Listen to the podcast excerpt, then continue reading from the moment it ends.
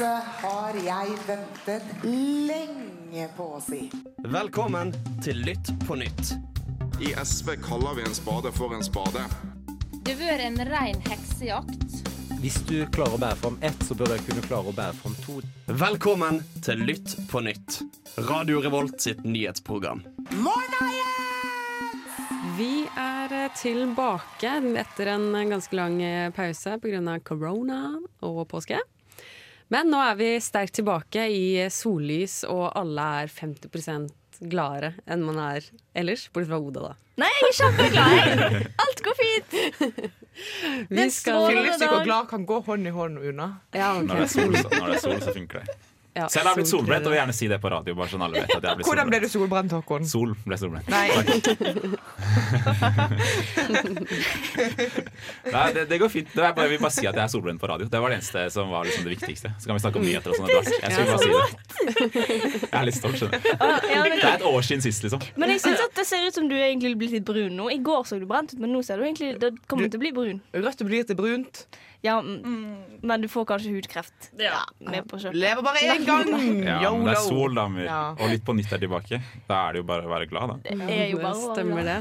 Eh, vi kan tyse om at vi skal snakke om eh, Arbeiderpartiet sitt eh, landsmøte, som er eh, nå i helgen. Vi skal snakke litt om klima.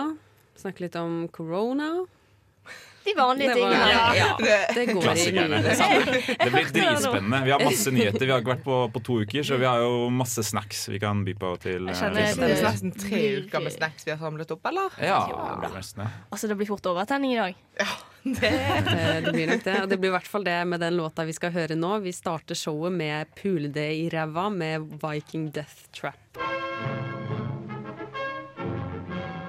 Siste nytt, siste nytt. Du hører på Litt på nytt. Vi starter selvfølgelig sendingen med å snakke om eh, landsmøtet til Arbeiderpartiet, som har vært nå i helga. Det har vært et spennende landsmøte. Ja, har det ikke det, da? Jeg tror alle har blitt veldig sjokkert Mm. over hva de har gjort. For først, det største skandalen, da, er jo at de sa nei til rusreformen. Skamme seg. Ja. nei til reform i ruspolitikk, men nei til avkriminalisering av narkotika. Det var vel Ja. Ja, Nei men- til den rusreformen. Den Ja. rusreformen som var foreslått, da. For de trengte jo Arbeiderpartiet for å få den igjennom. Og jeg hadde jo håp, da. Fordi at det var flere som sa ja. Mm. Men dessverre så gikk det ikke sånn. Men abort eh, fram til uke 18, det ble vedtatt. Ja, det, det, delvis, da. Ja. det er på en måte lov fra før av å ta abort, men du må gjennom en sånn nemnd. Ja, så fjerne de- nemnden. Så Ja. nemnden skal bort. Ja. Ja. Og så er det snakk om også å legge til en slags sånn diskusjons... Altså sånn mulighet til å kunne diskutere eh, En man vil obligatorisk refleksjon, Ja. om du vil. Ja, rett og slett. Eh, før man eventuelt eh, tar det valget, da.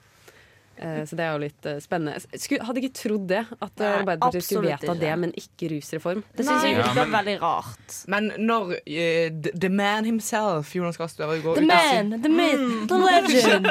Jonas Gahr Støre går ut og sier sjøl at han er sånn uh, Nei, jeg vil ikke stemme for uh, avkriminalisering og Ja.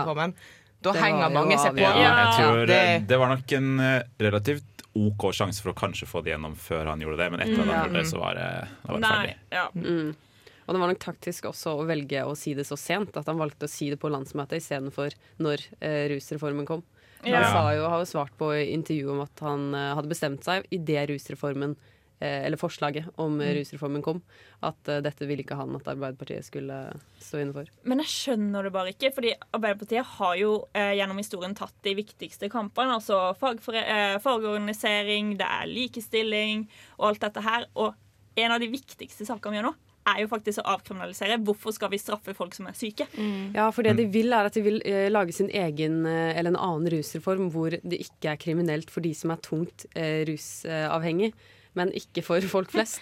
Men- og det blir jo veldig her- vanskelig å lage en skillelinje Der men det er det Du må være i strakstunnel, liksom. Ja, og- eller på ja, plata. Og hvordan skal man i så fall definere hva som er å være Ja. tungt Ja. rusavhengig? Hvor går går grensa? Ja. Rus er ikke binært, liksom. Det er ikke enten så tar du masse eller tar du ingenting. Men Nei. det flaueste er jo at Sylvi Listhaug er roser Arbeiderpartiet, og da føler Ja, jeg da har man da gjort noe galt. galt. Ja, for Hvis vi skal se litt framover til et uh, lite valg som skjer etter hvert, som vi alle gleder oss til uh, Superbowl is coming. Superbowl is coming.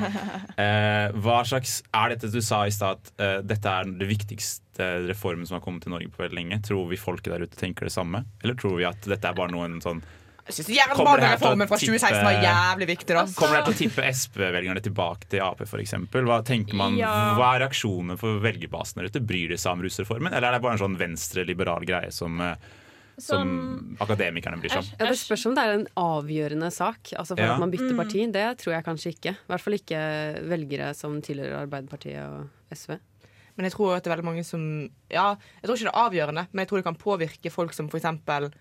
da enten var veldig for denne avkriminaliseringen, eller de som er litt sånn mer konservative og er litt sånn Men uh, faktisk så ble det eh, flere utmeldinger etter dette kom ut, så det har påvirka folk i Arbeiderpartiet. Ja. Eh, og jeg har også sett litt på kommentarfelter, så bare sjekker ok, alle kommer til å rose. Og det er ekstremt mange som kritiserer Arbeiderpartiet mer enn de roser de på kommentarfelt om at de ikke støtter dette her. Ja, for det er jo eh, De som stemte for eh, rusreformen, var jo stort sett folk eh, som Bygda. hadde stemmerett fra byene. Ja, for for både Raymond Johansen ja, og Mm. eh, Marte Mjøs Persen, som er ordfører i Bergen, har vært ute og sagt at vi er veldig for dette. Mm. Mens folk fra bygda, de har Hey, eh, Agder stemte for. Ja, og AF også var vel egentlig veldig for uh, dette her. Mhm. Eh, som, det er jo litt, sier litt om det forholdet man har til rus kanskje på bygda kontra Ja, det er liksom det jeg tenker. selvfølgelig er det du har en annen forståelse, på en måte. Ja. Eh, Hvis du har vokst opp med folk som satte skudd på. Youngstorget, så har du et annet inntrykk av den uh, på bygda, hvor det kanskje er litt mer skjult. Ja. Ja. Ikke så in your face som det er i Oslo. Eller Kan det være. Og så spørsmålet er nå eh, Handler det òg litt om Senterpartiet og at de ønsker å komme i re regjering? For vi vet alle hvordan Vedum eh, føler om denne her reformen.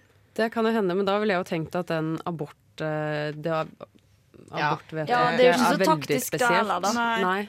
Og det er jo Men da vil de altså kjenne SV-velgerne på abortgreiene, og kjenne Ja. SV-velgerne på rusreformgreiene. det jo det er, det eh, det er en dissens i Senterpartiet som er for dette her med å fjerne abortnemnda.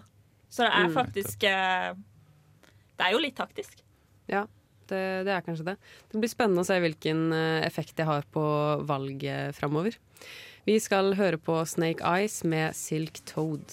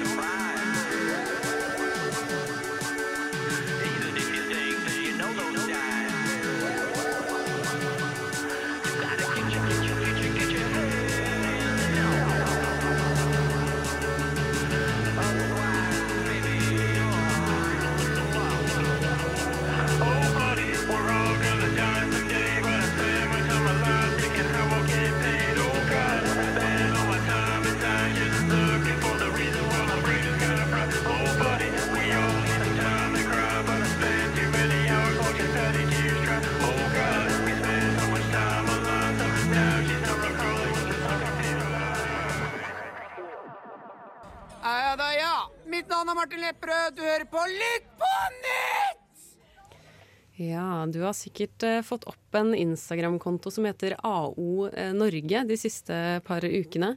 Eh, og det er jo arkitektopprøret som nå har, eller arkitekturopprøret som har kommet til Norge, inspirert av Sverige. Eh, målet for disse aktivistene er å få vekk moderne arkitektur og dyrke mer klassisk arkitektur. Ja, er det det som er målet? Men det er ikke målet å Ja, vise målet at noe av den moderne arkitekturen er litt stygg? Ja, er det ikke det? Ja, eller målet er vel å, å, at vi skal begynne å bygge mer klassisk, Ja. klassiske Mm. bygg, og ikke Ja. rive klassiske bygg som eksisterer. Da. For de har den greia hvor de liksom har sånn, nesten som før- og etterbilde, hvor de har et veldig flott eh, bygg fra 1900, tidlig 1900-tallet, og så tar de et sånn hardt Ja, det er bygg, bygg på. Ja, men det var det liksom. som skjedde Ja. på sånn 70-80-tallet. Det, var bare masse betongbygg Ja, ja. Og- alt. Jeg har et litt liten høne å plukke, si. Som man jo sa på 90-tallet. Eh, fordi jeg er veldig for Fordi dette er en litt sånn vanskelig greie. Ønsker de egentlig å skape debatt, eller ønsker de å peke på ting og si det er stygt, det her syns jeg er finere? Det hvis, det de det gjør de, hvis det er det de gjør, så mener jeg at det er jo bare deres mening, og noe som ikke de kan på en måte Ja, det er mange som er enig med dem, men det skaper Mm. jo ikke noe debatt om hvordan på en måte, et bybilde skal se ut. Hvis man tenker sånn Å ja, det var finere på 1920-tallet, alt bør se ut som 1920-tallet.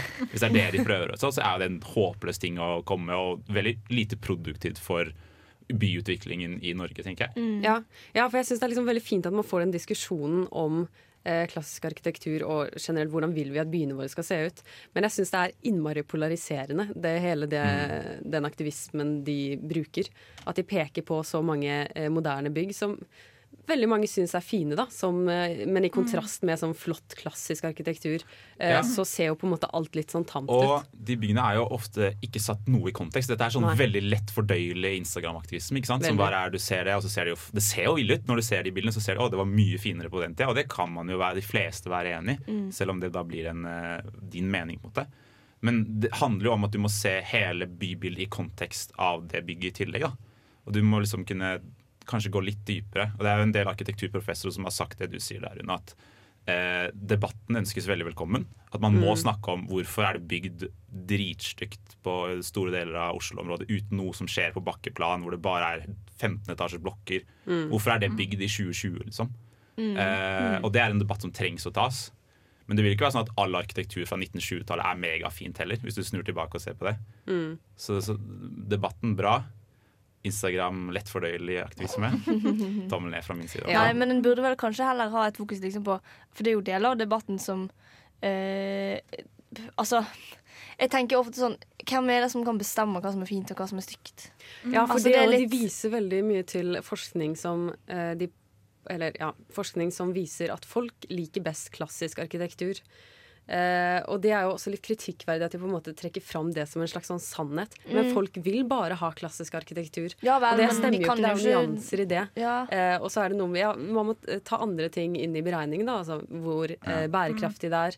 Eh, stort sett er jo klassiske bygg svære leiligheter til da de rikere i Mm. samfunnet. Skal vi da bare lage bygg som er store, og som bare de rikere i samfunnet har råd til? Altså Det er liksom så mange flere nyanser da, som ikke kommer fram i den måten de driver aktivisme Ja, på. for eller det det på en måte bare de. Dette er stygt, dette er fint. Og så Ja. stopper en på en måte det. Men et aspekt er jo da kanskje at vi skal bevare byggene våre, og ikke bygge flere sånne der, eh, apropos stygge bygg, da. Men Mm. å faktisk prøve å bevare eller gjøre sånn at de eh, holder seg sånn de gjør. Ja, og det er jo også veldig viktig. Ja. Mm. Og så trekker de vel også fram mye sånn Obos-bygg som eh, bygges for at det skal komme opp fort, og for at det skal ha plass til veldig mange folk. Eh, Mm. og at de gjerne ikke tar hensyn til verken utseende eller hvor bærekraftig det er sånn miljømessig heller. Da. Så det er jo gode poenger de trekker fram også. Mm. Eh, men litt unyansert eh, debatt, kan man jo si. Ja. Enig. Ikke like det hvis du ser det. men følg, følg med på debatten, det er interessant. Følg litt på 90 Ja. ok. Vi skal høre på låta 'A Man's Man' med Rickard Swift. Jeg elsker kommunereform, og derfor hører jeg på Lytt på nytt. Der hørte du Yla Styles og Nicholas F. med Fury Styles. Vi skal til Aftenposten, og vi skal til et sideinnlegg. Ja, eh, Daniel Lie eh, han har eh, kommet ut og snakka om noe som har fått veldig mye fokus i det siste, og det er Asian hate. Og det går egentlig ut på eh, hvordan eh, folk med asiatisk bakgrunn blir diskriminert. Og her tar han opp at han har omtrent hele livet sitt i Norge fått ulike eh, rasistiske kommentarer som han på en måte ikke har sagt noe på, og ikke helt skjønt som liten, da. Når de sang eh, Han nevnte at de sang 'Tre små kinesere', den superrasistiske sangen, på barneskolen. Og alle drev og stirra og lo på han, og han skjønte ikke helt hvorfor. Men nå har han kommet fram og sagt dette her er ikke greit, nå vil jeg faktisk ta denne kampen opp fordi at det er ikke kult, liksom. Eh, og det er flere som har uttalt seg, annet Fredrik Solvangen, som har vært sånn fått mer fokus på alt dette her. Mm. Ja, for noe av det han trekker fram i det innlegget sitt, er vel det at eh, mye av rasisme mot asiatiske, og kanskje spesielt i guttemiljøer, blir kamuflert som humor, altså som Mm. kødd. Ja, men det er jo Eh, veldig typisk òg. Veldig. Altså, jeg tenker for eksempel, eh, jeg tror en del samer i Norge òg opplever diskriminering, men så er det skjult som humor. Så, og da tror jeg òg at det blir vanskeligere å si fra om det òg. Mm. Fordi at ja, nei, nei, nei, de bare de, Vi kødder jo bare med deg. Mm. Eh, og så blir det sånn Nei, jeg, du blir jo faktisk diskriminert, men en kan på en måte ikke sette fingeren på det så tydelig. Mm. Ja, og så tror jeg kanskje at det er litt sånn Nå er ikke jeg gutt, så jeg vet ikke hvordan det er for 14 år gamle gutter, men jeg tipper at de, de gjengene ofte kan være litt sånn hardere på sånn Å, det er bare kødd, vi har bare litt mørk humor og Det tror jeg stemmer, det tror jeg stemmer godt. Ja. Ja. Det tror jeg stemmer veldig godt. Eller at på en måte eneste måten å si, overleve i det, men på en måte eh, ha en bra plass sosialt, er at man blir litt med på den køddinga. Og da Mm. blir man litt eh, Man blir litt med selv på I hvert fall har jeg opplevd det i, i miljøer jeg har vært i. At man ender opp med å nesten være rasistisk mot seg selv. At man på en måte selv tar initiativ til å kødde med det. For da, da får man veldig en sånn tydelig rolle i gruppa. Og alle syns du er sykt kul og er så lættis at du har selv selvironi på hvor du kommer fra. Mm. Eh, og at det òg kan være en sånn skadelig effekt det kan ha eh, av at man bruker mye humor i eh, Og ikke minst at da tenker man at det her er greit. For du vet liksom den derre Å nei, jeg har en svart venn, og han sier at man kan bruke N-ordet. Mm. At på en måte at hvis man legitimerer eh, ulike rasistiske utsagn ved hjelp Altså selvfølgelig gir det jo mening at folk syns dette er ukomfortabelt å forholde seg til og gi beskjed, men det Mm. kan òg liksom få en effekt med at da vil dette gjøres mye oftere. Ja, for det er jo mye lettere å bare si nei da, nei da, det er greit. Nei, nei, Mm. altså, jeg, jeg blir ikke såra, altså. Det er null stress, liksom. Eh, men det forsterker på en måte bare det, det at man fortsetter med det. Mm. Når ingen sier ifra. Men det er nok eh, mye vanskelig å si ifra når det blir en sånn slags eh, humoristisk eh, sjargong i, i gruppa. Ja, og så er det jo utrolig aktuelt med tanke på at de har jo Under koronapandemien så har jo folk med asiatisk bakgrunn blitt så trakassert og banka opp. Og eh, hva var det i USA for jeg tror en uke siden, så var det en som nesten holdt på å dø fordi hun var Mm. asiater. Hun var ikke det, hun bare ligna på en. Så Ja. det er utrolig mye. Ja. ja nei, det er bra at det blir gjort et slags eh, oppgjør, i hvert fall snakkes mer om nå enn det har blitt gjort eh, tidligere. Vi skal høre på låta 'The Beginning' med Andy Scott. Å, wow, Dubai ble mye bedre med Lytt på nytt på øret. Vi skal snakke om eh, vern av marine, hav, marine havområder. Hav. Sjøen. Der det er fisk. Ja, men spesifikt eh, vernede områder da, i havet i Norge. Eh, fordi eh, i Norge så eh, har vi en del vernede områder. Jeg tror vi har 15 stykker totalt i landet. Men vi har litt eh, spesielle regler når, det, regler når det kommer til eh, hva det vil si at et område er vernet. Eh, blant annet så kan man fiske i de områdene. Man kan annet bruke sånne eh, bunntrål, altså sånne som går ned til havbunnen. Sånne Og nett ødelegge som drar havbunnen. langs havbunnen og ødelegger. Eh, I vernede områder. Eh, som jo høres veldig rart ut. Eh, og eh, det går litt imot internasjonal standard, men så er noe av problematikken at man har litt sånn vag Hva vil det egentlig si at et havområde er vernet, i forskjell fra eh, på land? Så er det ganske tydelige kriterier for det, da. Eh, så i Norge så drives det både med eh, fritidsfiske og yrkesfiske i disse områdene. Eh, men til høsten så skal FNs biomangfoldkonvensjon ta en vurdering på, eller definere mer rundt det begrepet. Og det er jo veldig viktig for Norge. Vi er jo utrolig avhengig av havet. Og det at vi som en såkalt fiskerinasjon eller havnasjon faktisk ikke verner de områdene vi definerer som vernet i Norge, det er veldig spesielt. Ja, for hvis det er lov til å liksom, fiske med sånn dype nett og sånn, hva hva er det egentlig det å verne betyr da? Hva er de vernet mot? Altså, jeg ville jo Det tenkt at sånn. Ja, for jeg tenker jo det, Ja, selvfølgelig hobbyfiske er jo sikkert innenfor på alle områder i sjøen, for det er jo sånn du kaster ut en fiskestang, og så kommer det tre laks eller noe sånt. Mm. Har du fisk, fiska før? har aldri fiska her. Fiska i barnebursdag. Men eh, nå kanskje det ikke man kan svare på det her, da, i og med at vi har den kompetansen vi har. Men eh, hvor skadelig er denne fisket for disse områdene? Er det sånn at det er fucked, liksom, hvis vi holder på? Ja, altså Bunntrålere er jo eh, kjempeskadelig. Det er jo Miljøvernere mener jo at man ikke burde fiske på den måten i det hele tatt, fordi at man eh, dreper havbunnen utrolig Ja, okay. ok. liv på havbunnen. For da bare skraper man langs bunnen og så får med seg det man får med seg. Ja. Er det Og sånn? da dreper Mm. jo du masse dyr og sånt som du ikke hadde planer om å drepe, og som vi ikke kommer til å bruke, liksom. Så du er litt sånn Å ja. Ja, Jeg ville ha laks, men her er det fire Jo, torsk òg, så de torskene bare kaster vi ut igjen. Ja, og Planter, alger korallrev, alle sånne ting. Mm, Krabber, altså absolutt alle dyr. mm. Så dust. Ja, det Kjempedust. er, det er Der kjempeteit. satte du ord på det.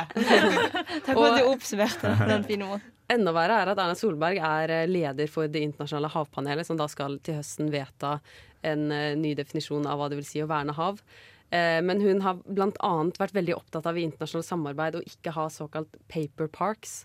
Altså eh, havområder som på papiret er vernet, men som i praksis ikke gjøres noen forskjell med. Og det er jo akkurat det vi har i Norge, som jo er litt flaut. Spesielt når Erna Solberg har tatt initiativ til at vi skal bli flinkere til å verne hav og faktisk verne om det når vi Det er sier det. Erna, Det er litt flaut. Men er det ikke også Norge som har vært veldig pådriver i forkant av det valget mot Sikkerhetsrådet? Så lanserte de en sånn stor internasjonal kampanje som var å ta vare på verdenshavene våre. Ja. Eh, for å liksom trykke til seg de små øystatene. Ja, deres stemme teller jo like mye i FNs generalforsamling. Mm. Ja, vi er jo veldig Eh, opptatt veldig glad i hav i Norge. Men Ja. ikke på Røkke skulle ha en 200 meter stor eh, Hva var det? 200 meter stort eh, Oi, skyskraper eh, i Bærum som skulle bare være til hav. Eller som var sånn den- til å ja, ja, beskytte ja, ja. hav. Og er ikke måte på Som Erna Solberg var med å lansere. Og. Ja. Men vi skal fortsatt eh, skrape bunnen tom for eh, alt som finnes. Ja, ja. Vi er jo, Mm. Norge er jo lite dødsgod på å være dobbeltmoralske. Så Ja. Jo, men så er en òg god på å eh, sette um, Gi inntrykk av at jo, jo, men vi følger FN eh, sine regler og styrer på og uh, ser så bra vi eh, har det og freder alle de her områdene. eh, og ser bra ut internasjonalt eh, s- i internasjonal sammenheng. Men så vet en jo at en egentlig ikke gjør det. Men det handler jo òg om at de er veldig ofte så er internasjonale eh, havlover veldig vanskelige Ja, og veldig Ja. mm. enkle å finne smutthull i, og veldig sånn ja, enkle å omgå, da. alt som foregår på havet, er jævlig komplisert. Ja, mm. Men er det håp for den nye definisjonen som kommer nå, da? Kan den klargjøre noe, tror man? Det kan man jo håpe på, da. Det er Ja. jo det som er målet. eh, At man ser at det er veldig mange land som eh, verner eh, områder i hermetegn, og så gjør man ikke så mye. Så det er jo det man ønsker å unngå. Så forhåpentligvis kan det En slags felles standard på hva verning egentlig betyr? mm. Men vi burde jo også ha en nasjonal standard og nasjonale regler på det innad i Norge. Jeg tenker jo at vi burde være strengere enn mange andre land, for vi har veldig mye unikt dyreliv som vi er avhengig av i havet. Men ja, vi får se. Ja. Vi skal høre på låta 'Boy from Michigan' med John Grant. Hei, det er Kyra Gørvla Kygo Nei, bare kødda. Det er Thomas Seltzer. 30 år eldre enn Kygo. eh, Og du hører på Radio Revolt. Vi skal ned til Danmark, for der eh, er det blitt eh, endringer i jeg holdt på å si flyktningpolitikken, men eh, Ja, det, Danmark mener at eh, Damaskus er en veldig trygg og fin plass å, flytte tilbake til for de mange syriske flyktningene som er i Danmark. Det er jo litt spesielt. Men er dere overrasket? Altså, Altså, men det er jo ganske overraskende at, at, at, at Danmark går ut og sier oppriktig sånn Nei, nei, da ja, det er litt krig i Syria, men i Damaskus så fins det noen områder som er trygge. Så Der de har tenkt å sende tilbake folk som har kommet til landet, eller hva, Ja. hva er saken her, liksom? Saken er at eh, de, eh, er de, Danmark er det første landet i Europa som nekter syriske flyktninger videre opphold. Så det er syriske flyktninger som har eh, vært i Danmark en stund, og nå blir de nekta å oppholde seg i Danmark lenger, fordi at Danmark mener som sagt at det er trygt å reise tilbake til Syria. Visse Ja. deler. Ja, ja, det er ikke så alle Damaskus er deler. trygt. Hæ? Damaskus er trygt. Damaskus er trygt. Um, Er det trygt? Absolutt ikke. Eh, både Amnesty International og FN har eh, kritisert eh, dette her veldig eh, hardt. Det er jo snakk om 94 syrere som ikke får eh, oppholde seg i Danmark lenger. Eh, så det er jo ganske uh, sprøtt at de skal, må, er nødt til å reise tilbake til en borgerkrig. Uh, og de har jo ingenting der nede nå. De har jo bodd i Danmark de siste årene. Det er jo, det, hvordan skal du forvente at du Da må de på en måte begynne på nytt igjen fra null. I tillegg til at det er borgerkrig. Mm. Men får de ikke noe penger eller støtte? Tror de fikk, fikk noen penger, da. Ja, for Tror de fikk, jeg- eh, jeg hvis de gjorde det Her har du- frivillig. Her har du Jo, 200 kroner. De får, De får en hvis de reiser frivillig, så får de vel noe økonomisk støtte. Ganske mye. Jeg tror Ja. det sånn eh, åh, Hvor mye var det? Jeg tror det er mellom kanskje sånn 100 000 eller noe Ja, sånt. mellom 100 og 200, Ja. tror jeg. Oi! Det er noe sånt. Men hva hjelper det- det hvis du skal til en by som er helt nedbombet? Ja. og Som FN sier ikke er trygg, da skal man jo Men jeg tenker at når, når FN og Amnesty går ut og sier sånn Nei, ikke gjør det, dette er ikke trygt. Ja. Det må du jo Hvis jeg hadde vært Danmark, da, så tror kanskje jeg hadde plukka opp signalet om at å ja, det var kanskje ikke helt trygt. Og så tenker jeg at hvis eh, de mener at det er så trygt i Damaskus, så syns jeg at dansker skal begynne å reise på ferie til Syria. Støtter. Ja. Mm. Idet de får koronapasset sitt, Ja, så skal Mette Fredriksen rett til Damaskus. Rett til Ja. Damaskus.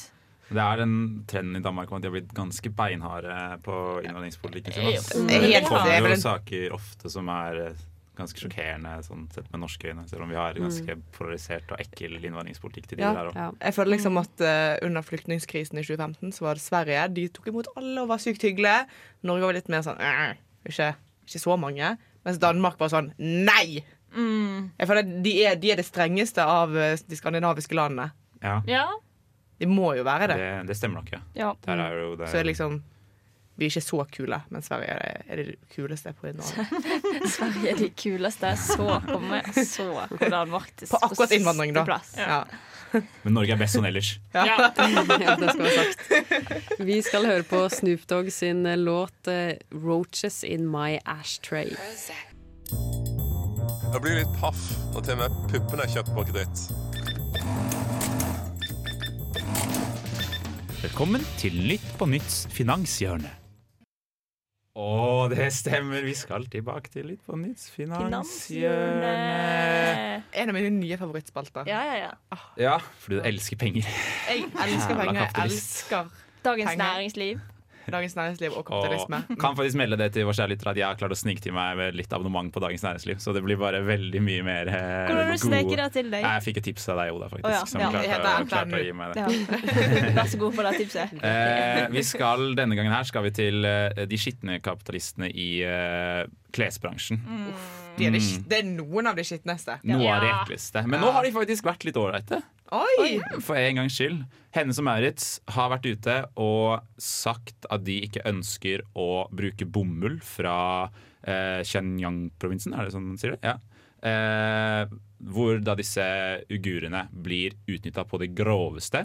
Det er snakk om BBC har kommet ut og sagt at det er kanskje rundt 500 000 eh, min min minoritetsarbeidere der som blir mer eller mindre tvunget til å plukke bomull. Det er jo ikke noe Det, det, altså, det kan jo ende opp med at vi går med de klærne. da Ja. eh, Produsert av den bomullen som Det er store sannsynligheter, for 20% av verdens bomull kommer fra den provinsen. Å, herregud. 20 20% av verdens bomull. Fra slaveri? Ja, eller fra den provinsen, om det Ja. er alt er slaveri. Kineserne da vil jo komme og si da at dette her er ikke slaveri. Ja. Dette er, en, dette er bare sånn vi opererer i landet vårt. De har vårt. lyst til å gjøre dette her. Dette har de lyst til å finne på. Eh, og på bakgrunn av det så har da store deler av den kinesiske statseide pressen og det kommunistiske ungdomspartiet annet oppfordra til boikott av Hense og Maurits. Eh, Nike har også vært ute og uh, rusla litt der.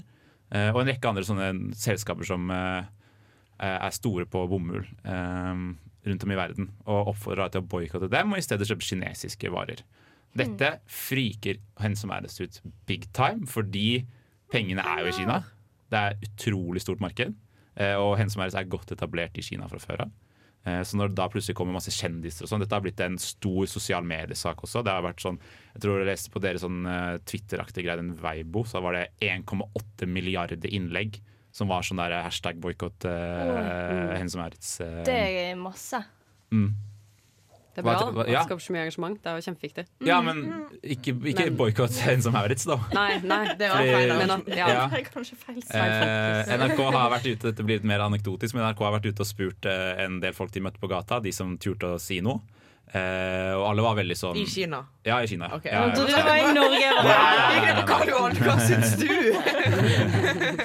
Nei, og De som turte å si noe, de sa jo at uh, dette var de veldig for. Uh, og det er jo en veldig sånn kjent greie at kinesiske staten har blitt veldig god på å mobilisere den slags nasjonalistiske følelsen i den kinesiske Mm, befolkningen til eh, imot Vesten veldig ofte. da Litt sånn som russerne gjør, med at de hele tida er sånn veldig sånn at eh, vi er Russland, og da skal faen meg Mm. ikke du komme her og, og kødde med oss. Jo, sant? at de klarer å mobilisere Ja. befolkningen til å liksom påvirke markedskreftene, det er jo interessant. Og Ja. de har såpass makt. De har, eh, og det har man kanskje ikke helt trodd før, da, at de klarer Nei. å ta det store grepet, men det tyder på at de eh, Nei, for nå har du alltid tenkt sånn, ja ja, men Kina er litt autoritært, men de har jo, de har jo en fri økonomi, på en måte. Ja. Eh, eller befolkningen. ja. Akkurat men, økonomien lar de gå som de, Mm, som de på en måte kan, men, Men nei. er det sånn det er at uh, Hennes og Merit kommer til å snu, eller De har nå gått ut og vært eh, vesentlig mindre krass i retorikken sin, ja. Mm. De har sagt at eh, Kina er et utrolig viktig marked som vi ikke vil gjøre noe med. Eh, eller ikke liksom Vi ikke hva skal man Plager si, de. Plager de. Mm. Ja. Eh, så man tror kanskje at jeg Vil jeg tippe, så vil jeg tro at de kommer til å tone ganske heftig sin kritikk av, eh, Ja. av det regimet. Men ikke gjenoppta bomullen som de får derfra? Uh, det er jeg litt usikker på, Ja. faktisk. Eh, men uh, jeg vil tro at faktisk de kommer til å gjøre det, fordi de virka megastressa for eh, å miste masse omsetning. Men det suger jo. å kjøpe masse klær hennes Maurits hvis dere bare Ja. ikke Ja, lager Men det suger jo skikkelig at faktisk Hennes Maurits gjør noe bra, og det er kjempebra, så, Ja. blir det, så får de så mye Så klarer de å presse seg til, da. Ja. Ja. fordi at nå kan kanskje Jeg var sånn Kan jeg handle på henne og Maurits igjen? Nei, men så er det jo det. Det sånn, slaveri og Ja, ok, barnearbeid andre steder. Så det er, vi har vel tolv skritt igjen. det er først og fremst gjort for show for å vise resten av verden at de gjør noe positivt. Men, det er mye de gjør jo det. Selv om det er for show, så har det en utrolig bra påvirkning. Ja, hvis det blir noe av i det hele tatt. da Jeg ser Ja. jo for meg Ja. at eh, vi kommer til å glemme det. Det dabber ut, og så ordner det seg for både Positivitet. HM og Kina. Ja. Jeg håper på det beste. Sannsynligvis. Penger. Alle blir rike uansett. Er bra. Finansierende. Vi skal eh, høre på låta 'Moms' med Tessa. Mitt navn er Bare Egil. Du hører på radio Revolt på internettmaskinen din. Rett etter påske så kom, eh, la regjeringen fram en gjenåpningsplan. Var det før påske? Det var den det var- 7. april, så du får eh, gjette på Det om det det Midt i april? Midt Det i påsken. ja. Ja, påsken, Anyways. I hvert fall, det har kommet en gjenåpningsplan på hvordan vi skal åpne Norge. Vi er allerede midt inni den! Vi er i steg én fordi regjeringen, Gøy! fordi regjeringen lå eh, 7. april fram en gjenåpningsplan med fire eh, trinn som vi skal eh, gjennomgå for å, for å liksom åpne Norge. Jeg liker konseptet. vi kan- Ja, vi kan gå ett eh, Nå er vi i trinn igjen. Eh, men hvis smitten øker, så sier Bent Høie vi kan gå tilbake et trinn. Vi kan gå fram et trinn. Alt handler om smittesituasjon og sykdomsbyrde. Kapasitet i helsetjenesten og vaksinasjon. Ja, fordi Jeg hadde tenkt at det skulle være sånn Ja, nei, nå er vi på trinn 1, og så beveger vi oss videre. Uansett, det er planen. Men det virker som det er såpass uforutsigbart. Ja, så og Sånn det, hvis vi skal inn i trinn to, det skjer ikke før tidligst i midten av mai. Og For det, å nå de hårete målene så må man gå sakte, men sikkert opp trappen. For å du komme er full av inspirasjon i dag, Håkon. Jeg elsker det. Takk, takk, Eh, For akkurat nå eh, så har vel de fleste har vel fått med seg at vi har gått tilbake til pre-påskeregler.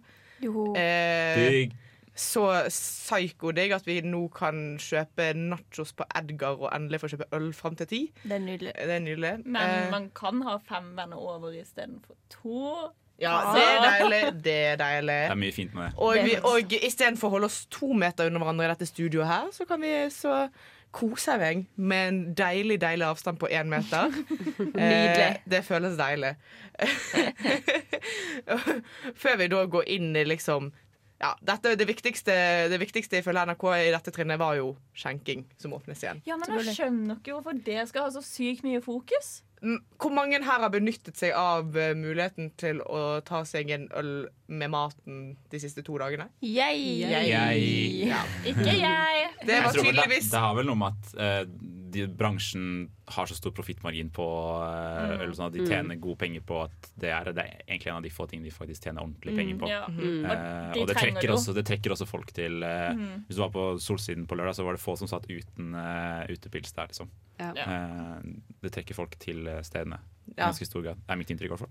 Ja. Eh, men det, mange reagerte på at hun ikke hadde Det var liksom ingen datoer inkludert. Og det var liksom sånn ah, herregud, denne her planen er så sykt det, det Er det en plan i det hele tatt? Ja, for da ble jeg litt sånn Hvor dumme er vi, folkens? Ja. Vi vet jo Vi kan ikke eh, datostemple når vi kan åpne samfunnet. Vi kan ikke datostemple når smitten kommer til å være eh, Altså, det har vi merket gjennom Ja. over et år nå. Det er de som har booka liksom- tur til Dubai i august. Ja. De var sånn Du, jeg skal dra da. Da skal De jeg som åpent. booka tur til Dubai, driter fint i korona. Ja. Hvis de eh, Ja, det er jo for så vidt sant. finnes mange andre problemer med å dra til Dubai. skulle jeg si. Det. Men hva, hva er neste trinn, eller ja, Mer som vi kan fysisk komme undervisning til elever. Bra. Ti gjester i hjemmet. Har ikke så mange venner engang. Men det er bra. Mer òg. Ja, herregud, ti eh, gjester i hjemmet. Det er litt for mange, Da får jeg makset Da får jeg Ja. makset vennene mine, tror jeg. Da kan, da kan man ikke ha den dype samtalen med alle som er der. ikke sant? Det kan man jo når man er fem. Men uh, du blir fortsatt rådet til å ikke dra til utlandet og bla, bla, bla. bla. Så, det er litt så sånn den kan sannsynligvis komme til 17. mai? da Ja. At vi kommer inn i det trinnet før 17. mai? Oi, det er jo veldig nice. Hvis, hvis Hvis smittesituasjonen holder seg sånn som den er, og bla, bla, bla, bla. Men det virker jo sånn, da, med antall eh, smitta. Ja, nå har vi bare hatt eh, lettelser i tre dager, så jeg tenker vi ikke skal Vi er litt sånn- i morgen. Altså, det har nå vært positivt, folkens. For det er jo nasjonale Dette er vent. nasjonale. Ja, Det har kanskje ikke så stor påvirkning at det er ille i Oslo, for de, Nei, for de har, har vel fortsatt, uansett eh, egne ja. regler. Mm. Ja. Ja. Bortsett fra at vi sympatiserer med dem. ganske Ja, selvfølgelig. selvfølgelig Vi tenker på dere. Oslo-folk. Vi, vi gjør det. Ja. og trinn tre, da begynner de å vurdere sånne koronasertifikat og sånne ting. Koronasertifikat, vaksine, vaksinelappen. Ja, men får vi det sist? Nå har det vært noen korona, litt eh, rumling Ja, for det du er har òg tatt en del. oppkjøring, du har vært igjennom korona. Nå har det- du kunnskap nok til å leve Ja, ja, ja. Men uh, fordi det har jo vært mye snakk om sånn Skal vi gjøre litt om på denne vaksinestrategien, eller? Når vi har kommet til liksom 45, at vi da skal switche om og ikke ta 45 først, men heller ta 18 først. Fordi, Please. fordi det er jo mest smitte blant unge voksne. Det er jo ikke masse smitte på Skyt meg i armen, da! Vær så Gi grei. meg hva som helst. Helst Pfizer, men jeg tar imot Sputnik òg, liksom. Det. Jeg tar Sputnik any day over ingenting. Og Paracet, eller hva? Ja. Jeg tar Paracet. Det er Pfizer, det òg. Jeg tar Paracet Ja, mot korona. De har redda mange en student. Ok, da har vi fått litt innføring i, i den nye gjenåpningsplanen. Vi skal høre på eh, Annie sin låt 'Same Old'. Oh! Yeah. Yeah.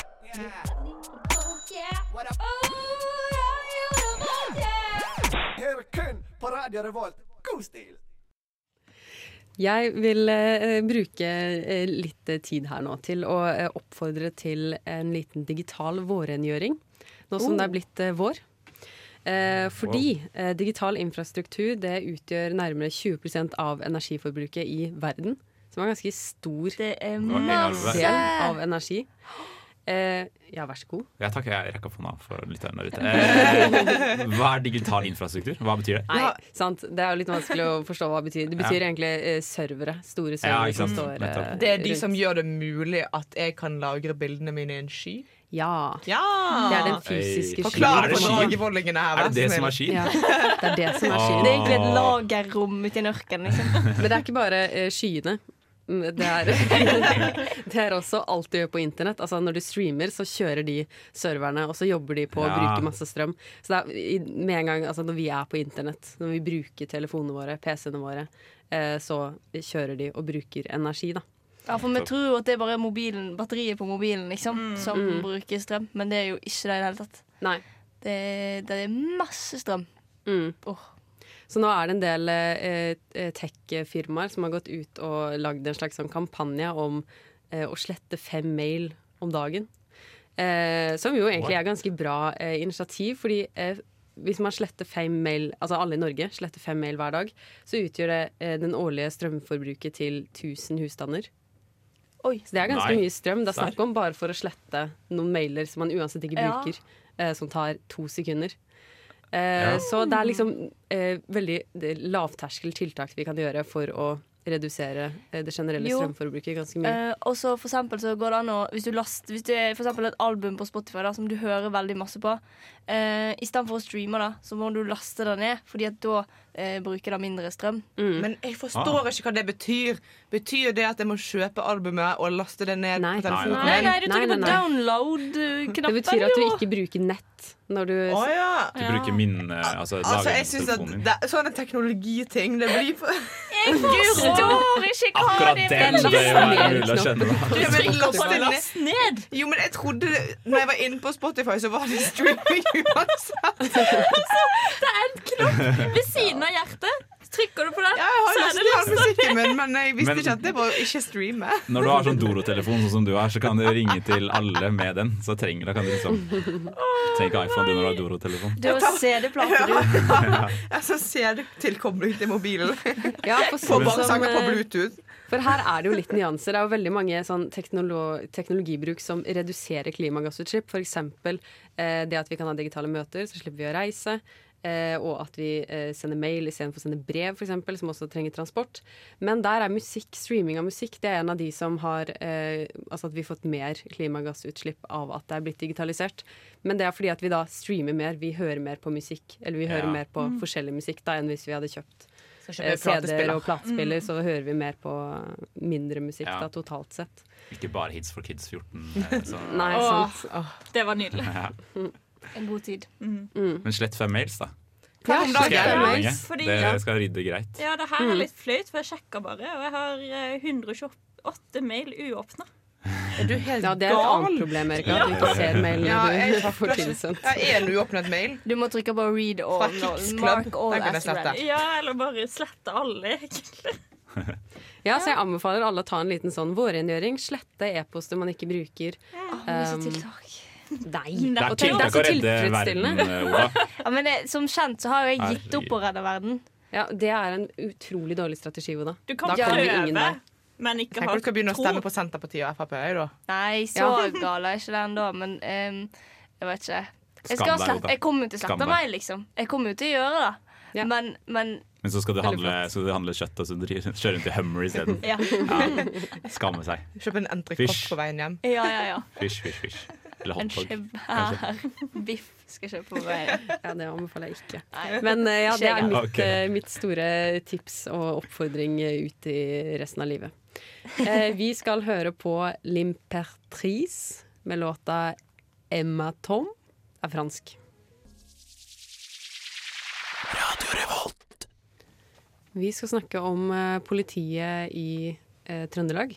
Yes, Politiet i Trondheim har jo fått eh, de siste dagene et, eh, en konklusjon fra Diskrimineringsnemnda eh, om at de har eh, diskriminert en 30 år gammel mann eh, fordi han har blitt eh, kontrollert, altså stoppa av politiet, ti ganger på fem år. Og det er ikke normalt at det skjer så ekstremt ofte. Um, og det er jo diskriminering fordi dette er en mann han, er, han har en annen etnisitet enn norsk. eh, og eh, eh, har kommet til Norge eh, som barn, vokst opp i Trondheim. eh, og så i mellom 2015 og 2020 så har han blitt stoppa ti ganger. Det er ganske sykt. Mm. Jeg skal ha hatt lappen i snart fem år. Eh, Ikke blitt stoppet ti ganger. Nei.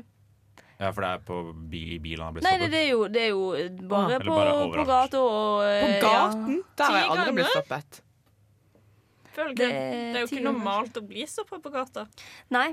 Og eh, politimesteren erkjenner at de har gjort en feil, står det her. Det er bra. Eh, men det er jo ganske sjukt at, at den samme mannen blir stoppa om igjen og om igjen og om igjen. Det er nesten Altså- imponerende at de har klart å finne han så mange ganger. Og kjenne han igjen alle Ja. ganger. Altså, det er liksom Ja, men De har nok ikke sett Å ja, det er han vi stoppet sist òg. Da, da- tar vi han igjen. ja. det er nok Det var han som det ikke var noe problem med sist. Kanskje det er et problem det er nå. problemet Ja. nå. Ja. Ja, det det for det var vel det som ble sagt. Det var ikke intensjonell diskriminering. Det var bare at For da hadde, det var ikke sånn at politifolka snakka sammen og så bestemte seg for å gå for han. Det var bare at han ble eh, targeta flere ganger Mm. av sin identitet. Av Men- uavhengige og forskjellige politifolk. Ja, fordi Eller- politimesteren sier at det er ingen som, som skal kontrolleres og bli stoppa av politiet på bakgrunn av sin etnisitet. Men det virker jo som om politiet i Trondheim Mm. gjør det. Og Ja. nå har de jo blitt dømt for Ja. å Eller de vurderer å eh, han, eh, han som har blitt stoppa eh, Jeg syns å huske at han er advokat, eh, og så vurderer han om han eh, vil ta saken videre til retten. Um, så det blir jo spennende. Gjør det. Ja, Det er viktig Men- å vise at det ja, ikke er tenker, Dette er ikke en unik sak. Eh, Nei, jeg har nei, snakket med mange som også opplever å ha blitt stoppet oftere er enn eh, sine etnisk Ja. norske venner. Og jeg Eh, tror så det er noe spesielt med Trondheim òg. Jeg har fått eh, inntrykk av det. Eh, det hende. apropos det, eh, har dere hørt om rasisme i Norge-kontoen? Mm. Ja. Det, ja. Ah. Ja, det er to. Det er to. Det er det med understrek og det med punktum. Det med understrek er litt mer profesjonell. Jeg er litt kritisk Ja, til sånne ting. Ja, og det kan man eh, være. Men det var en som sendte inn en opplevelse eh, med at hun eh, var i Drammen, tror jeg, og hadde kommet ut av biblioteket. Og så var de, eh, lette de etter noen, da. Eh, og så var det på bussholdeplassen, og de skulle snakke med folk. Og den første de gikk til, det var hun med en annen eh, etnisitet. Som gikk forbi alle som de kunne ha spurt. Mm, ja, og da tenker jeg det er så viktig at man anmelder det, og at man gir det oppmerksomhet. Eh, for dette er nok noe som er tilfellet mange steder i landet, vil jeg tro. Mange som har sånne opplevelser. Eh, men man, blir, nok- altså, man, man er nok litt ubevisst over det. Men hvis Ja, ja. man får, nå får jo politidistriktet i Trøndelag litt mer bevissthet rundt at dette eh, skjer innad hos oss. Da må vi jobbe mot det. Det tenker jeg er kjempeviktig. Og, s- og så er det litt skummelt med tanke på at uh, i Trondheim Vi er jo det jeg tror en av de eneste som faktisk har hatt police brutality. Eh, ja. det, Ja. Ikke bare i Norge at det er liksom I Norge tror jeg det. At Mm. han døde, liksom. Ja. Som er sier at vi må fikse dette i Trondheim. Det er jo ikke noe som har skjedd akkurat nå. Nei, er det sånn en, Jeg syns det er vanskelig å liksom skulle eh, tenke at å nei, det politiet i Norge er onde og vil eh, Altså, det er jo Det er ikke Politiet i. Norge, de gjør jo bare det de Ja. Ja, og jeg tror ikke det bare er i politiet at man opplever sånne saker. Det skjer nok eh, i mange andre ja, På tvers av hele samfunnet. Ja, Det er jo det er mer en samfunnsmessig Mm. Ja. problem der, ja. Vi skal eh, gå over på låt. Vi skal høre på låta John L. med Black Midi. Hva har fire bein om dagen og seks bein om natta? Jeg vet ikke, men uh, hør på Radio Revolt. ja, det stemmer det. Vi er på Radio Revolt. Vi måtte kutte skolissa si der. Da tok over, jeg. Hoppa inn. Ja. Det, det Si takk, bra. da. Si takk, da. Takk. Ja, vær så god, bare hyggelig. Det var bare snilt. Så snill er jeg. Eh, nå, damer, skal vi til eh, Nord-Irland. Der det rører seg meget om dagen. Ja, Du feirer, Ola? Hvorfor fistbump på Ola? Nei, jeg synes det er veldig interessant. Det er en utrolig interessant eh, konflikt, eh, som alle konflikter. Dypt tragisk, selvfølgelig. Eh, men eh, veldig sånn eh, Veldig utrolig lang historie. Veldig mye vold, som Er det interessant? Ja. Glising! Nå er det bare ro som bare rakkeren her. OK, ok, Ja. ok Men jeg har sett Har dere sett eh, den Netflix-serien Dairy Girls? Jeg, Ja. jeg tenker bare på den! Det er den Jeg klarer Det det er jo en veldig koselig aksent, for det første. Ja, og så er det sånn, det er så eh, på Ja, ja, Og så. Har de bomba i bilen, og så varsler de bomba i bilen, og så er de good, liksom. Det, jeg syns det er nydelig. Ja, ja, ja. Det er trivelig. Men eh, for å dra det litt inn i, eh, ut av Netflix, Netflix vakre verden eh, til, eh, til dagen i dag så er det eh, blussa opp en del konflikter i det siste mellom eh, loj... Oi. Ja. Lojalister? Nei, hva? Jo. jo. Ja. Lojalister. Ja, og unionister. Vi kan egentlig bare gå gjennom de partene i konflikten med en gang, tenker jeg. Bare for Ja, å få lagt det Vær. Bare for å legge det, for denne konflikten har vart i hvor mange år? 100 år eller noe? Helt Jeg sjukt lenge. Liksom. sånn- Kanskje enda lenger, siden Ja. det, har vært, det er mye historie på den øya der, så det, akkurat den tar jeg ikke, men lenge. Mm. Eh, på den ene siden så har du protestanter, eh, som da kalles eh, unionister eller da lojalister. De ønsker veldig gjerne eh, at eh, unionen skal fortsette. De skal Mm. være med i eh, Storbritannia. Og hvilken Er det protestant eller katolikk? Det er protestant. Ja. Mm. Eh, katolikker på den annen side eh, kalles nasjonalister eller republikanere, og de da eh, vil være en med Irland. En union med Irland, gjerne. Eh, så har du militante grupper på begge sider av denne konflikten her.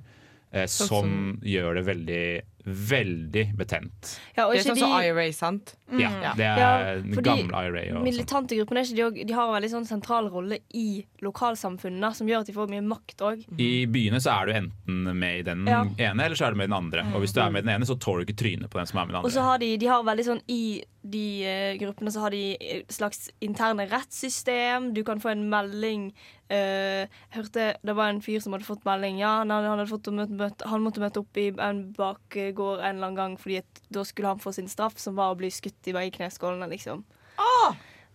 Jeg er ikke overraska engang. Men Ja. eh, nå, grunnen til at det nå har blussa opp en konflikt, det var jo en veldig kjent avtale på Good Friday, langfredag blir det kanskje, Mhm. eh, med, mellom, som Tony Blair var med å framforhandle. Det var liksom hans start i eh, New Labour Movement. Det blir en annen, eh, annen prat. Eh, og den avtalen har fungert veldig bra. Helt fram til en liten folkeavstemning i 2015 i Storbritannia, som vi helt kaller brexit. Er det mulig? For eh, nå har det da blitt etablert, etter at eh, Storbritannia gikk ut, har det blitt etablert en slags provisorisk grense eh, mellom Nord-Irland og resten av fastlands England og, og Skottland. Da. Eh, og dette her liker ikke de i Nord-Irland, kan jeg avsløre. Jeg syns det er helt sykt at ingen at, Eller vi har jo snakket om dette her i flere år, at dette kunne potensielt bli et problem. Fordi selv om Absolutt. det har vært eh, fred mellom gruppene i Nord-Irland, så har det fortsatt vært betent. Men det er ikke Ja. bare At det var ingen som tenkte over Eller liksom faktisk løste problemet for mange som gikk og tenkte på å, hvis vi setter opp en grense der, kan det være noen som blir lei seg. Nei, men det, det, de har eh, sagt dette her direkte til Boris Johnson. Dette kommer til å skje hvis du fortsetter her med brexit. Han ble advart på alle fronter. Absolutt. Og det er Ja, derfor ikke de, en av hovedgrunnene til at en avtale ikke er på plass tidligere enn det det var, da, eh, var jo pga. Nord-Irland-problemet. At det var utrolig vanskelig å kunne skape en slags eh, grense der. Mm. Ja. Nei, hva skal man si? Nei, det er jo eh, Det ble, altså, brexit ja, som bare, bare ødelegger. Brexit Fucker med alt! Nei, det er ikke brexit, det er Boris Johnson. Det er òg noe 50% av britene, da. Det, Nord- Nord-Irland var for øvrig stemte imot brexit, kan jeg si, som også ikke hjelper på det her i det hele tatt. Nei. Eh, det Det lager bare, enda dårligere stemning. ja, de var, ganske, de var 54 stemte. Ja. Det Og problemer er jo Nei, uff. Det er så ille. Er krise. Krise, krise, krise. Boris rydda på. Det klarer du. Tror du det? Jeg tror det. Vi skal høre på Brockhampton sin låt 'Buzzcut' med Danny Brown. Dette er Adelina, og du hører på Lytt på nytt. Det stemmer, og vi skal snakke om koronakommisjonen som akkurat eh, har kommet. Som har gått igjennom hvordan Norge har håndtert koronakrisen. Det er nettopp det de har gjort. For ofte når det skjer kriser og viktige saker og sånt, så utpeker eh, regjeringen en eh, kommisjon som da skal granske Granske Hvordan ting har blitt gjort, Sånn om en var godt forberedt, og ja, ja, Så for eksempel handlet 22. riktig. juli-kommisjonen, Mm. som Mm. ble utpekt i etterkant. Bare sånn, hva gjorde vi rett, hva gjorde vi feil, hva er det som endres på? Og det samme gjorde de nå i forhold til korona. Eh, som, det ble jo en litt annen rapport, for det er jo en pågående krise. Men de siste elleve månedene så har eh, en kommisjon som er ledet av Stenar Kvinsland, eh, hatt i oppgave i å ja, gjøre en kritisk gjennomgang av hvor godt forberedt landet var, og hvordan krisen ble håndtert. Og i det store og det hele til så har regjeringen fått skryt for å håndtere, eh, håndtere denne krisen bra. Eh, det kunne jo gått mye verre med Norge enn det det har gjort. Men eh, kommisjonen har òg kritikk. Eh, de mener at regjeringen eh, Ja, de mener at vi var for dårlig forberedt. Åpenbart. ja. Vi manglet pandemiplan, ikke bare liksom i, på det statlige nivå, men på det kommunale nivået. Én av fem kommuner hadde gamle, utdaterte eller ikke eksisterende planer for hvordan de skulle takle en, en, en sånn type sykdomspandemi, liksom. Det, Mm. Og eh, det var òg eh, dårlig, for lite planer hvordan vi skulle håndtere importsmitte. Altså alt det der som foregikk i fjor på høsten, var, var rotete. Det, og det har, de fått, eh, det har de fått kritikk for. Eh, og de har også fått kritikk for at eh, gjenåpningen har vært preget av hastverk. Ja. Eh, sånn kanskje den typen åpning vi hadde i fjor på sommeren, da. Det, det var jo litt sånn forhastet. Ah, nå kan alle dra til Spania! Kos dere! Det var litt Ja, ja. mm. Eh, og at eh, regjeringen har latt seg påvirke av interesseorganisasjoner. Eh, har de jo fått kritikk for. At de har hatt sviktende kommunikasjon med næringslivet.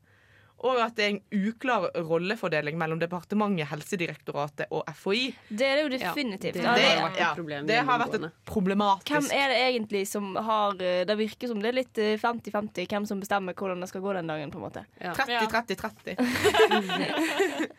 Ja, egentlig. Det er jo rart. Ja, ja, for det er jo liksom Det er jo regjeringen som bestemmer til syvende og sist, men så Ja, ja, men- så har de sine egne greier, og så har Helsedirektoratet sagt et eller annet, og så har Er FHI ikke det veldig sunt da, at de har forskjellige meninger om ting? Det er jo veldig bra for norske er fagmiljøene at Helsedirektoratet og Folkehelseinstituttet er Men, uenige om ting. men i en krisetid så vil det jo òg framstå veldig rotete for folk som trenger sårt uh, ryddighet ryddighet og klare beskjeder. Kriser er rotete. Det er derfor det heter kriser. Men de har jo liksom- fått mye skryt for at de har vært veldig åpne om at det har vært uenigheter innad. Ja. eh, Som er positivt. Men det tyder jo også på at de har ikke helt eh, kontroll på hvem som bestemmer hva. Altså, det er jo det som er problematisk. Hvem tar avgjørelsene? Eh, Hvilken rolle har egentlig Folkehelseinstituttet i denne krisen? Mm. Det har man på en måte ikke At det ikke var noe- definerte roller på en måte i forkant.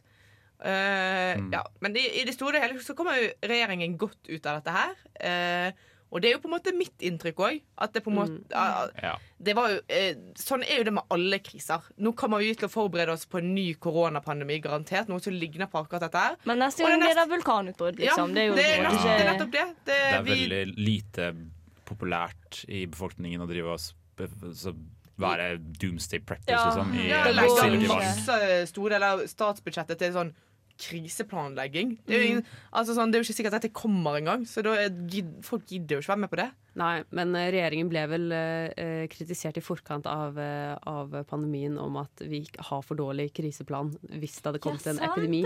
Eh, så dette Ja, har, de har Ja, blitt advart det- på forhånd, eh, og det er jo litt flaut at man da ikke har gjort noe med det. Og å få en epidemi i Norge er jo ikke usannsynlig. Og det har jo, man har jo også forsket på det. Det, har, det kom ikke så overraskende på at det kom en pandemi. Eller jo, det, Det var jo- selvfølgelig de hadde tre måneder med forberedelsestid. Eh, Nei, nei, vi har to i rommet her som mente ikke det skulle komme til Norge. Jeg må bare påpeke det. Ja, men, det, men de er bare førsteårsstudenter. Ja. Eh, Jeg forventer mer av liksom De visste ikke mer. topper. En lege. Ja. Ikke, ja, en random lege, ja. Vi skal høre på låt. Vi skal høre på 'Fairytale' av Luna.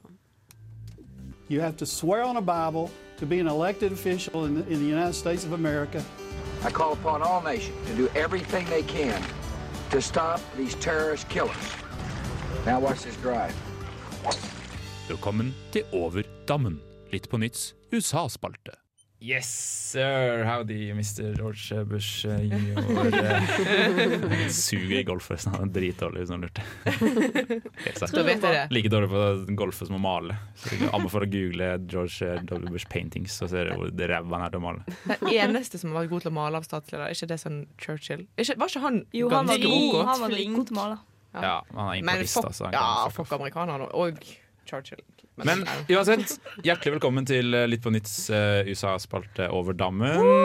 Yes. Uh, I dag så skal vi faktisk ikke til USA, på en måte. Men USA er veldig sterkt involvert. Vi skal til Afghanistan. Uh, USAs eh, hva skal man si front. Favorittsted å invadere. skulle jeg si. siste 20 årene har det jo vært sterkt tilstedeværende i landet. USA, så god. jeg vil bare trekke fram at du sa det er USA sitt favorittsted å invadere. Det er, det er, det er Irak. Ja, det er Irak. sant. Det. Ja, for der hadde de i hvert fall ikke noen grunn. Eh, men eh, nå er det på vei ut. Det har, på sin meste så har det vært 150 000 amerikanske og Nato-soldater i Afghanistan. Eh, etter at kampoperasjonene ble avsluttet i 2014, så har det ligget på mellom kanskje sånn 30 og 10 000. Nå er det ca. 11 000, inkludert 100 norske soldater med i Nato-samarbeidet som er der nede.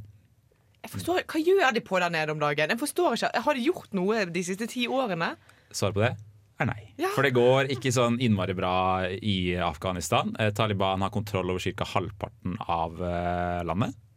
Eh, Men altså- meningen med at de eh, Nato-soldatene er der, er at de skal på en måte støtte Ja, altså- gruppe som er snille, da. Ja, de skal være til støtte for afghanske Ja. soldater og tilby en slags sånn der, eh, destabilisering. Bare, men, ja. Eh, men eh, det har jo ikke funka sånn kjempebra, for talibanerne kontrollerer som sagt ca. halvparten av landet. Eh, har et regime som ligner veldig på det de hadde før invasjonen. Eh, de har roa seg på noe, men det er fortsatt sånn at de ønsker sharialov i hele Afghanistan. Eh, og dette er jo noe som I byene i eh, Afghanistan, særlig i Kabul, så har man blitt vant til at eh, det er mye mer liberalt. Det er mye mer eh, vestlig, kan man si.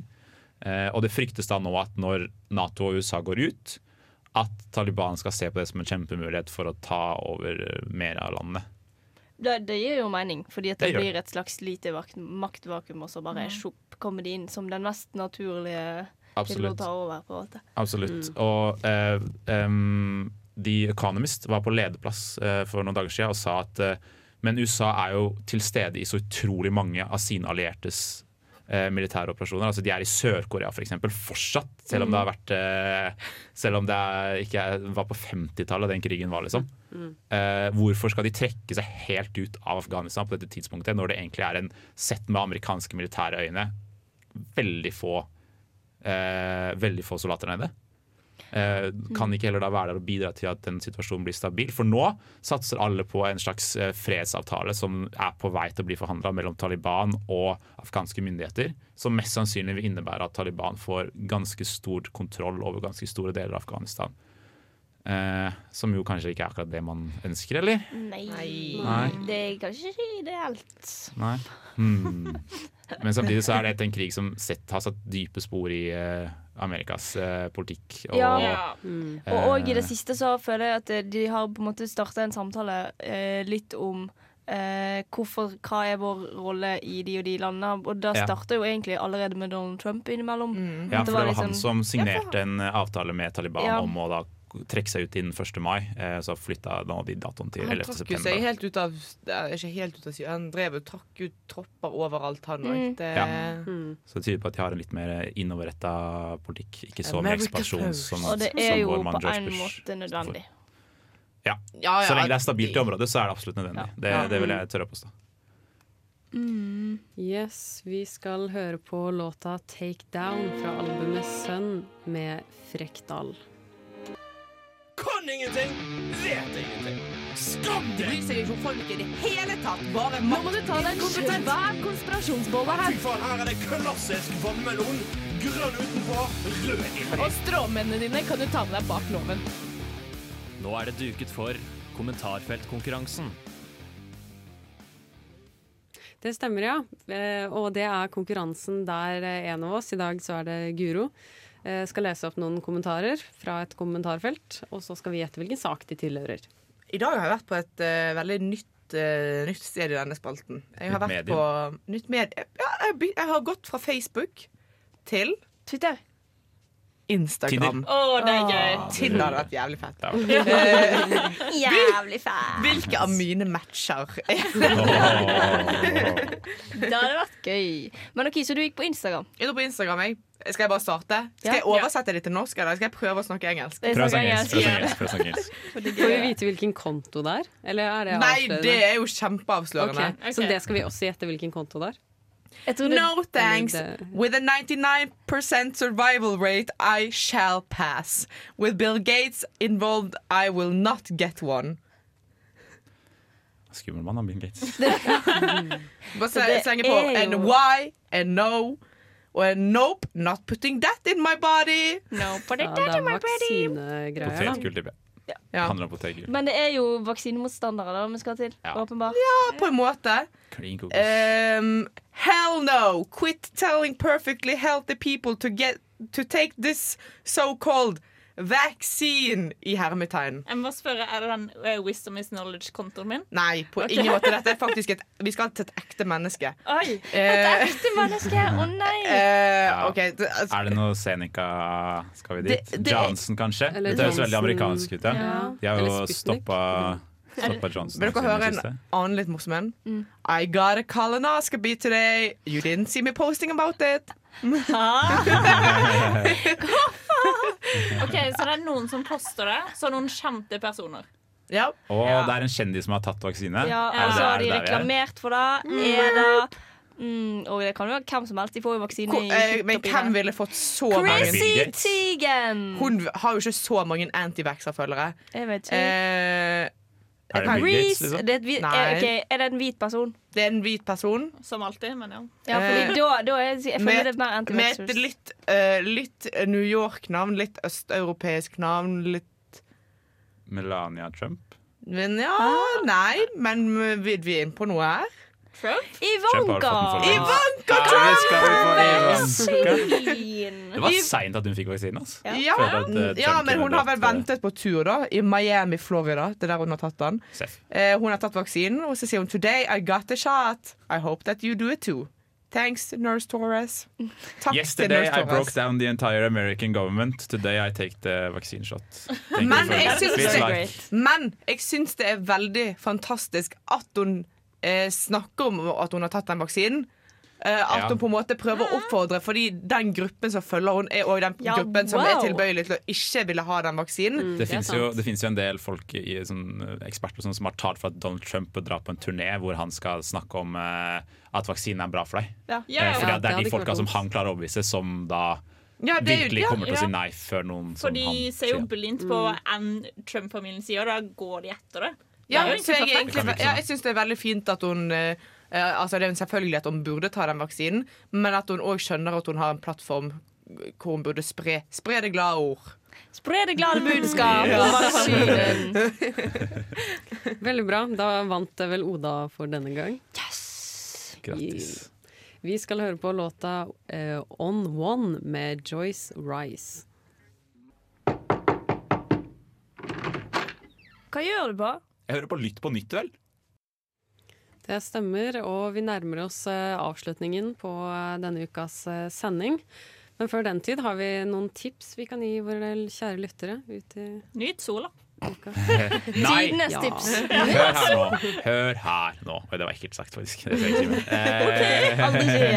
Hvis du er drittlei av å være ute i sola, så tenker jeg det har blitt for mye sol nå i Trondheim. Sånn som alle gjør. Ja. To dager. Det gidder jeg ikke. To dager. Nå skal du inn, klekke opp eh, chipsposen. Salt og pepper, Totenflak. Ikke reklame, bare jævlig god chips. Bare. Det er mitt. Hva koster den chipsen? Ja, 40 kroner.